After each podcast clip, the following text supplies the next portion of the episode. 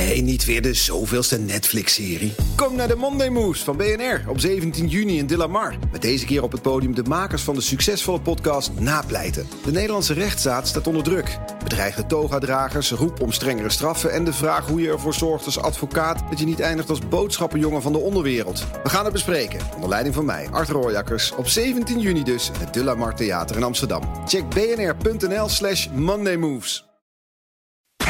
BNR Werkverkenners wordt mede mogelijk gemaakt door BrainNet. BrainNet voor zorgeloos en professioneel personeel inhuren. BNR Nieuwsradio. Werkverkenners. Rens de Jong. Zwangerschap en je carrière, dat is niet echt een ideale combinatie. Want uit Brits onderzoek blijkt dat hoe langer je verlof neemt, des te kleiner de kans is dat je daarna promotie maakt. En het risico op ontslag wordt alleen maar groter. En menig werkgever zal het moment misschien herkennen. Je feliciteert de aanstaande moeder, terwijl je in je achterhoofd de vervanging al aan het regelen bent. De vraag is, hoe regel je dat nou goed, zo'n zwangerschapsverlof en daarna? En daar gaat deze BNR-werkverkenners over. Vooral aan de ervaringskant. Want je hoort in deze uitzending maar liefst de ouders van tien kinderen. En oh ja, ik ben zelf ook nog eens een keertje ervaringsdeskundige. Uw presentator is de vader van drie prachtige dochters. Maar genoeg over mij. Op naar mijn eerste gast, een loopbaancoach. Ja, mijn naam is Nicole van Dongen. Ik uh, werk uh, voor Van Ede Partners, een loopbaanbegeleidingsbureau... wat uh, zowel me mensen als bedrijven, organisaties helpt... bij hele diverse loopbaanvraagstukken. En ja, ze heeft zelf ook kinderen. Drie stuks. Drie stuks. Ja. Kijk eens aan. Zijn ze al oud? Of, uh... De oudste is net tien geworden. En dan nog een van bijna acht en bijna vijf. En toch wel opvallend. Dat Britse onderzoek dat ik je net noemde. waaruit blijkt dat kinderen slecht zijn voor je carrière. daar heeft Nicole totaal geen last van gehad. Als ik even naar mezelf en naar mijn omgeving kijk, dan uh, kinderen zijn natuurlijk, vind ik, enorm verrijkend voor je leven. Dus ze verrijken je ook in het werk wat je doet. En uh, ik had het er laatst met iemand over en die zei van, nou, ik ben weet zeker dat ik een betere manager ben geworden door de komst van mijn kinderen, Mhm. mm -hmm. omdat ze een enorme spiegel zijn en uh, alles wat ik terugkrijg uh, gebruik ik in mijn werk. Ja. Dus, ja, je moet ook leren onderhandelen, conflicten conflicten oplossen en ja, dat soort dingen. Zeker, ja. zeker. Er zijn ook wel mensen die zeggen: Nou ja, eigenlijk zonder kinderen kun je sneller carrière maken. Um, nou, kijk, het leven zonder kinderen is in die zin uh, wat uh, overzichtelijker en wat minder complex wellicht. Hè. Je werkt en nou ja, daarnaast heb je nog een sociaal leven wellicht en dat is het. Um, uh, en met kinderen is er natuurlijk veel om rekening mee te houden. Mm. Uh, ook als je fulltime werkt. Want dan moet je alles eromheen geregeld hebben. Uh, toch op tijd zijn uh, voor de kinderopvang. Maar ook daarvan zie ik in mijn omgeving dat het juist ook. Natuurlijk kan het, daar moet ik ook heel realistisch in zijn. Tot veel stressvolle situaties leiden. Maar als je daar goed mee om weet te gaan dan uh, kan het je juist heel goed leren om grenzen te stellen. Om uh, juist eens een keer wat eerder weg te gaan. In plaats van uh, heel lang door te werken. Nou ja, dat soort dingen. Hm. Dus, um... ja. Kom jij veel mensen tegen die ermee worstelen? In... Ja. Ja? Ja. En waar worstelen ze dan mee? Um, nou ja, ook wel uiteraard balans. Um, ja, nou, dat eigenlijk wel. Ja. Krijg ik het allemaal goed georganiseerd? Uh, balans. Ben ik op deze manier een goede manager? Ben ik op deze manier een goede uh, moeder slash vader? Hebben ze het ook wel eens over, en dan heb ik het over mannen en vrouwen... Um, het verscheuren tussen, ja shit, doe ik iets nou wel goed? Ja, verscheuren, dat klinkt dan wel weer heel zwaar. Nou, is negatief, maar... maar laat ik het zo voor, voor mezelf wel zeggen. Um, ik heb wel. Ik moet ik zeggen, ik vind mijn kinderen nu leuker dan dat ze toen ze klein waren, maar dat hebben meer vaders. ja. um, uh, en ik weet, ik weet wel van mezelf dat ik er nu veel meer scherp op ben van hey, ben je erbij en et cetera. En toen ze klein waren, dacht ik, nou, weet je, ik moet ook, uh, ik moet ook werken. Weet je wel, mm -hmm. dat is ook mijn rol. Mm -hmm, mm -hmm. Um, en, maar ik heb ook wel een tijdje gehad dat ik dacht: ja, shit, ik doe beide gewoon niet goed. Oh ja. En het werk is gewoon. Uh, ja. denk, ja, nou, raffel je niet af, maar je denkt: ja, je bent er niet helemaal bij. En als vader ben ik er ook uh, niet echt bij. Ja, ik spreek wel mensen die zich dat soort vragen stellen, inderdaad. En ehm, nou ja, volgens mij is dat ook heel. ehm, eh, ik hou wel van enige mate van onzekerheid, zeg maar. Hè? In de zin van dat dit soort vragen breng je uiteindelijk altijd ook weer verder. Ehm, eh, het feit dat je dit soort vragen stelt, komt vaak, denk ik, voort uit ehm, eh, dat je het goed wil doen, eh, soms voor iedereen. Ja. Wat op zich natuurlijk een hele nobele, wat iets heel nobels is. Eh, en op het moment dat je daar inderdaad op een goede manier mee ehm, over weet te reflecteren, eh, uiteraard onder, onder begeleiding van, Van een goede coach. Ja, ja. dan kan het je heel erg verder helpen. Ja, ja, dat doet ze goed. Even de beroepsgroep pluggen.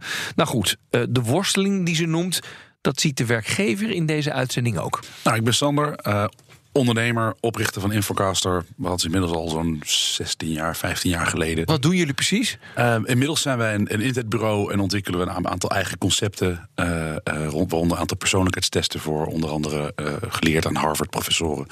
Waar we dingen voor doen. Dus het is allemaal losse dingen, maar het merendeel, zeg maar 35 mensen werken bij ons in de webontwikkeling. Oké, leuk. Maak een website. Heb jij zelf kinderen? Ja, zeker. Een, een dochtertje van zes en een zoontje van vier. Ja, allemaal prachtig en mooi. Maar toen stelde ik een vraag die ik beter niet had kunnen stellen. Hoe vervelend is het eigenlijk voor werkgevers, zwangerschapsverlof? Nou ja, ik, heb, ik dacht dus altijd dat het echt. Ik werd, ben dus opgegroeid met de mythe dat het echt super vervelend was. En Wie heeft je die mythe geleerd? Ja, Jan en Alleman, jij begint er al mee. Hoe vervelend is, is Ja. zwangerschapsverlof? De vraag nooit, hoe fijn is zwangerschap? Die vraag is dus... Ja, maar- voor een werkgever, hè? Voor een werkgever. Je hebt dus meteen... Dus, dus, meteen een stempel, Meteen stempel. Zeg maar even, dus zelfs in jouw vraag zat hij al... Zeg maar, wie heeft je dit geleerd? De wereld. Eh, en eh, eh, dus toen werd er voor het eerst iemand zwanger in ons bedrijf. En toen was het eigenlijk... Je krijgt gewoon geld van de overheid. Eh, je moet een beetje anders plannen. En ik, ik was over dat we er erg in hadden. Ik, het was helemaal niet zo vervelend. Dus ja, de, de, ik begreep dat toen eigenlijk niet zo wat de fus was. Ik dacht echt, dit kost ons duizenden euro's. Helemaal niet. Dat, dat viel eigenlijk wel mee. Ja, gek is dat, hè? Dat, dat, dus zo, dat, dat, dat die mythe wel zo bestaat, bijna. Ja, die, is, die is gewoon die is keihard nekkig. Maar ik snap het best wel dat je, wel- je moet wel wat dingen doen. Maar ja, achteraf, en dat was helemaal niet zo heel strategisch... heeft het ons eigenlijk groei opgeleverd. Want? Nou, eh, we hadden het dus voor het eerst. En we waren met een afdeling content bezig. Want dat was nieuw en er werkte één iemand. Die ging met zwangerschapsverlof. Dan moet je die vervangen. Die vervingen we met iemand waarvan we wisten dat ze zwanger was, notabene. Dat was grappig. Dus dachten we, nou, neem er nog iemand aan. Dus hadden we twee mensen aangenomen. Die twee, daar was er één heel goed van. Die bleef plakken. Eh, eh, en die nam het werk over van iemand die zwanger was. Dus die kon zich ook niet bemoeien met de overdracht... of mijn klanten, jouw klanten. Dus toen die terugkwam, waren er twee ingewerkte mensen. En hadden we drie maanden de tijd om onze sales in te lichten... dat er gewoon meer verkocht moest worden. En hadden we twee mensen aan het werk. Dus het was onze contentafdeling twee keer zo groot. Omdat we eigenlijk heel veel makkelijker hadden kunnen inleren... dan dat we dat hadden moeten doen met een nieuw iemand erbij. Het was een to- totaal mooi recruitment-achtig opleidingstraject voor iemand om in, nieuw in te stromen. Totaal per ongeluk. Ik bedoel, ik heb dat niet Ja? bedoeld. Dus nou ja, per ongeluk. Het was wel zo van, nou, laten we dan maar eens kijken. We vervangen en laten we dan meteen twee nemen. Want wellicht levert dat groei op. Eh, maar achteraf was het natuurlijk een mooier verhaal... dan toen we het aan het bedenken, dan toen we het deden. Maar even één ding. Ik heb ook wel eens werkgevers gesproken die dan zeggen: Oh shit, er is er nog een zwanger. Op een gegeven moment blijf je wel bezig. Of heb je dat nooit gehad? Nou ja, dat, dat is niet. We hebben wel merendeel van de mensen bij ons, zeg maar, wat programmeurs zijn, zijn man. Dus daar hebben we het minder mee. eh, Dat ze op zwangerschapsverlof moeten. Ehm, maar dus dat nee, ik snap wel als ik naar basisscholen kijk. En er is al krapte op de arbeidsmarkt.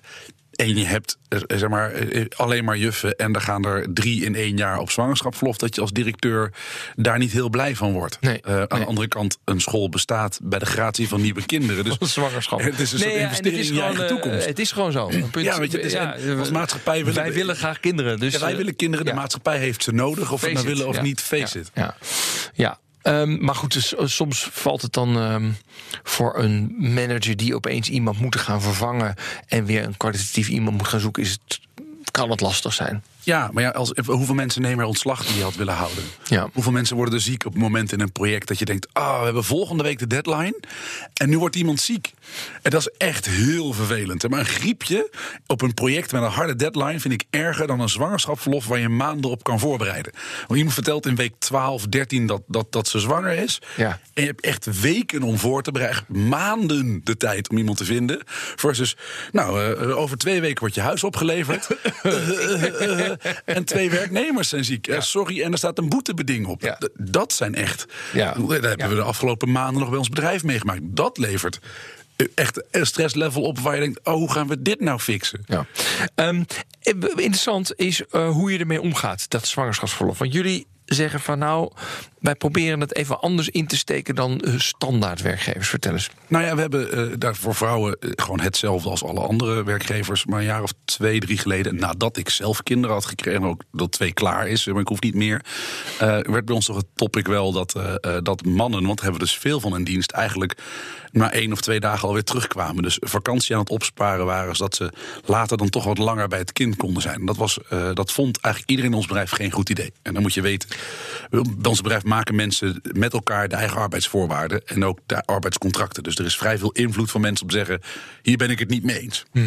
En, eh, eh, maar dat kwam vooral nadat jij de, eh, twee kinderen had gekregen. Ja, ik was al, het was niet voor mij. Het is geen regel die voor mij Nee, nee, maar, nee, oké. Maar, maar misschien was je er opeens wel meer bewust van, of Ik niet? heb het niet hoeven opperen. Het kwam uit, Oh, uit ja. de organisatie.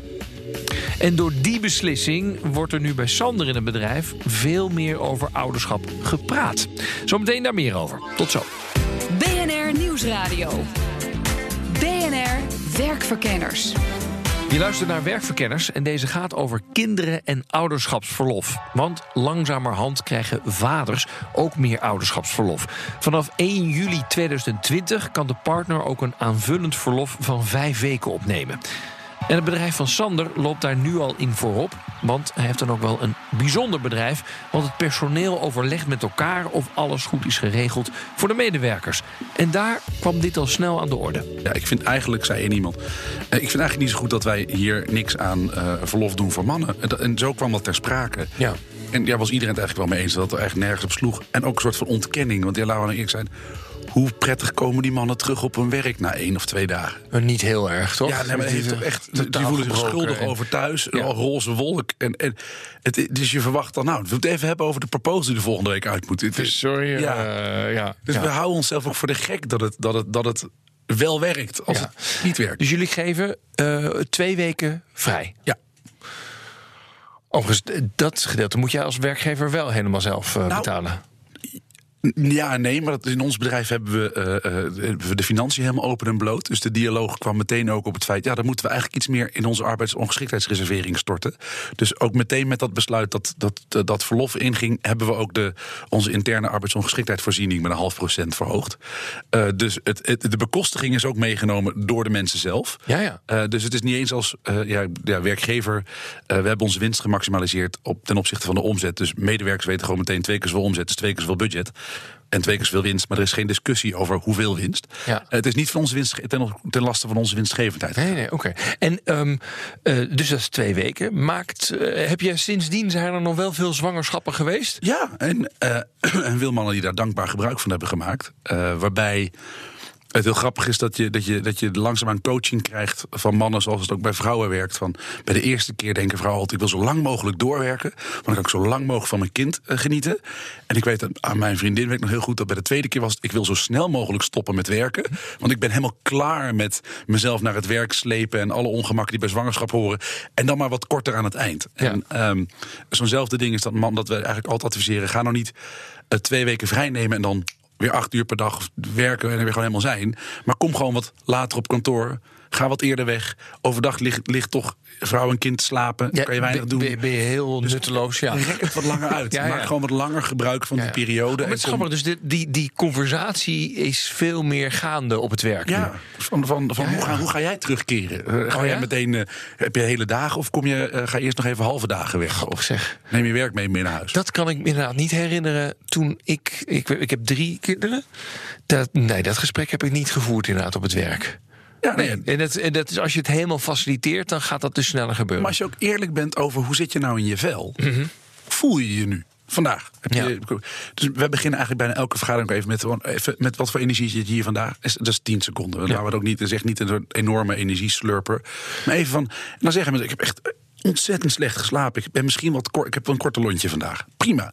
Als je daar eerlijk mee omgaat, dan ga je ook op dit soort dingen zeggen. Het heeft gewoon geen zin om in de eerste weken acht uur per dag op kantoor te gaan zijn. Je wilt toch bij je gezin zijn. Ja, hey, ehm, ehm, het, grappige is, nu wordt dat, eh, nou, je wordt alweer door de werkelijkheid ingehaald, hè? Zeker. In 2019 is het, is het van twee naar vijf dagen gegaan.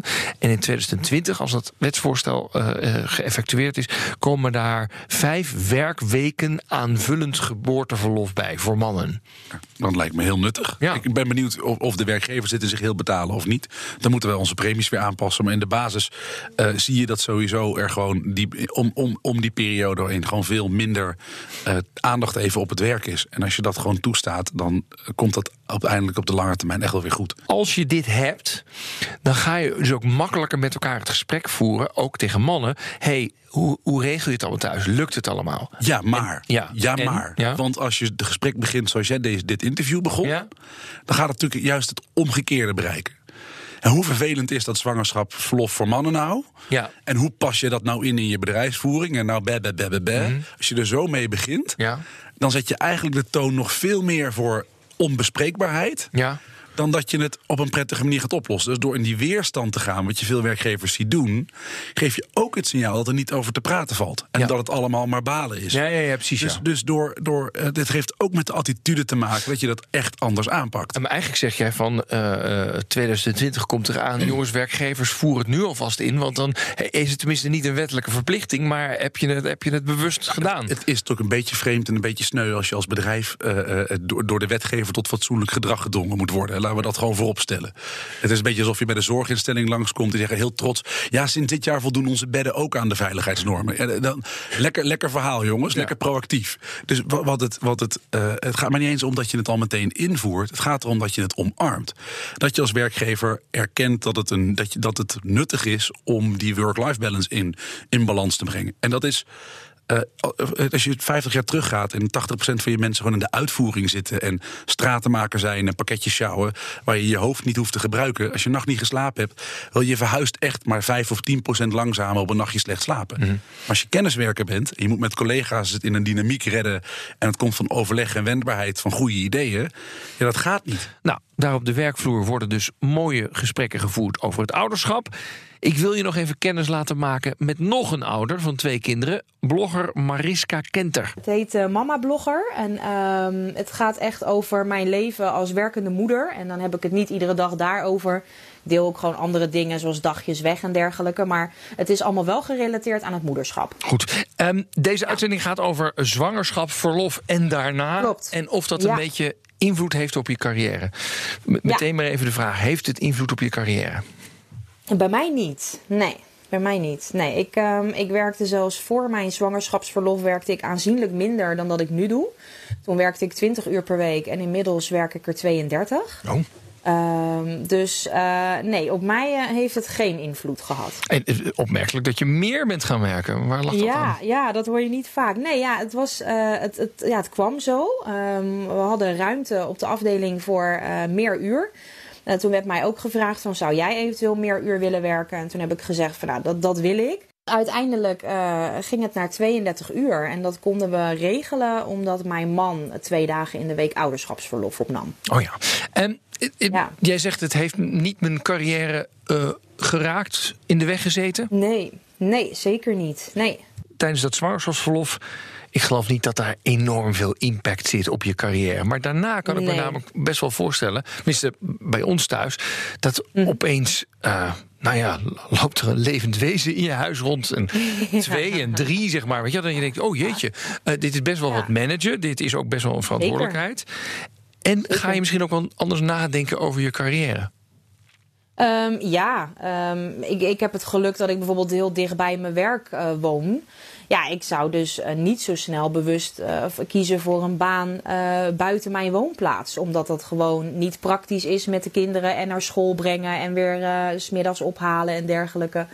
Dus ja, in die zin ehm, ben je wel bewust van de keuzes die je maakt. Hoeveel uur werkt hij dan? Hij werkt fulltime, ja, meer dan 40 uur. Oké, dus jij vier en hij vijf. Ja, ja.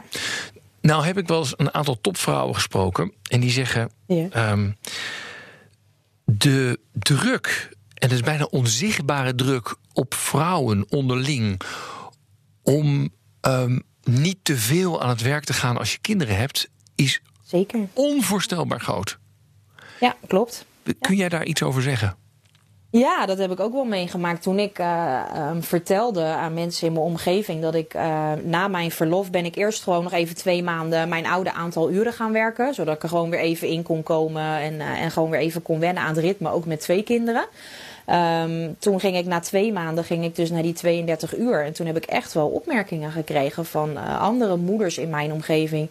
Die ook letterlijk zeiden van ja, maar nu gaan je kinderen je missen. Oh ja. Dat ik dacht van ja, maar ho even. eh, ze hebben ook een vader en die is er gewoon. ja. Ehm, dus thuis draait alles gewoon door. En ook hij is net zo goed ouder als dat ik dat ben. Mhm. Maar, maar En, eh, jouw man werkt nu vijf dagen in de week. Dus Zeker. dan ja. zouden mensen kunnen ook zeggen... nou dan, waarom heb je nog kinderen gekregen dan? Toch? Dat soort, dat Ja. opmerkingen.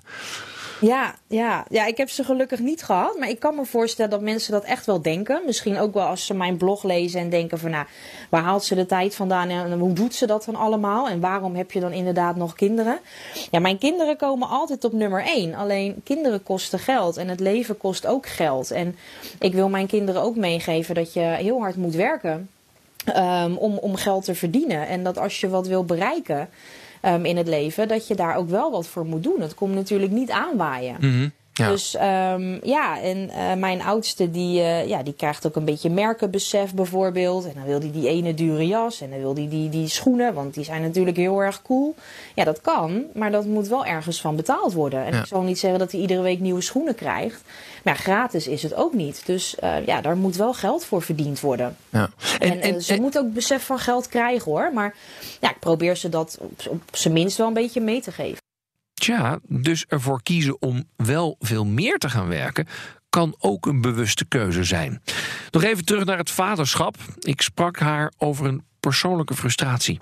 Er is in Nederland een hele discussie geweest over het vaderschapsverlof. Je hebt dus het zwangerschapsverlof voor vrouwen en het vaderschapsverlof. Nou, dat wordt al, Ja. dit jaar is dat al vijf dagen, geloof ik. En het wordt eh, in 2020 echt behoorlijk verhoogd, hè? geloof ik, een week Ja. of vier, vijf. Wat voor een heil verwacht je daarvan? Ik denk dat het vaders ook vaak door de werkgevers nog wel onmogelijk wordt gemaakt om eh, bijvoorbeeld ouderschapsverlof op te nemen of om wat langer thuis te zijn naar een bevalling. Ehm, er zijn echt heel veel vaders die gewoon die kans niet krijgen. En ik hoop eigenlijk door dit soort dingen dat het gewoon straks heel normaal wordt voor die werkgever. Want die vader is net zo goed ouder. Net zo goed als dat die moeder het is. Al moet die moeder natuurlijk ook herstellen van een bevalling. Dus het is logisch dat hij wat langer verlof heeft. Maar eh, ja, die vader is minstens zo belangrijk. Ja. Ehm, dan eh, eh, als laatste, eh, wat voor, wat voor tips zou je nog hebben? Op jouw blog geef je vast en zeker. Geef je tips op je blog of niet? Ja, ook. Kijk, wat, wat, voor, wat voor tips moet ik dan aan denken? Eh, nou ja, het een hoeft het ander niet uit te sluiten. Met, met een hele goede planning kom je al een heel eind. En, en ga gewoon eens in gesprek met je werkgever. Stel dat je wat meer zou willen werken. Ehm, kijk gewoon eens naar de mogelijkheden. Al zijn het maar een paar uurtjes. Eh, dat kan echt wel een wereld van verschil maken. En ik denk ook dat als je op je plek zit op je werk en ehm, je, je ontwikkelt je lekker door, dan zit je ook gewoon lekkerder in je vel. En dat heeft uiteindelijk ook weer eh, zijn uitwerking op je gezinsleven. Daar, daar ben ik wel van overtuigd. Ja, en jij zegt eh, plan het goed. Waar, waar ben jij dan een tijd ninja in? Nou, ik probeer wel echt ehm, ehm, heel goed te plannen in die zin van s'morgens alles heel strak, die ochtendspits zeg maar gepland. Ehm, en dan op bepaalde tijden, op een vast tijdstip weggaan om de jongste weg te brengen. Dan met de oudste mee naar school. Ehm, ja, ik, ik werk wel volgens een vast schema. Anders dan, dan wordt het wel heel lastig, ja. Het militaire regime in de ochtend. Ik denk dat heel veel Bijna luisteraars dat wel, ja. herkennen. ja, Ja, Dit is echt, eh, ja, die ochtendspits is echt killing. Dat dan weer wel. Ja, dat er weer wel. Dan moeten werkgevers niet gaan bellen voor calls om 8 uur 's ochtends. hè. Dat is, eh, Nee, nee, idioot. nee. Gewoon om negen uur beginnen is prima. Nou, dat brengt me bij het einde van deze werkverkenners. Ja, soms lijk ik wel een vastgelopen langspeelplaat. Maar ook bij dit onderwerp blijkt maar weer... zorg voor een open gesprek met je medewerkers... over wat ze van je nodig hebben. Je hoorde het net al van Sander. En zo heb je de meest effectieve en vaak ook de meest gemotiveerde medewerkers bij jou in huis. En, je weet het hè, geen afspraak om 8 uur 's ochtends en ook niet om 7 uur 's avonds, want dat is spitsuur. Dit was BNR Werkverkenners voor deze week. Half vier op dinsdag krijg je een nieuwe en abonneer je op de podcast. Tot de volgende. Dag. BNR Werkverkenners wordt mede mogelijk gemaakt door BrainNet. BrainNet voor zorgeloos en professioneel personeel inhuren.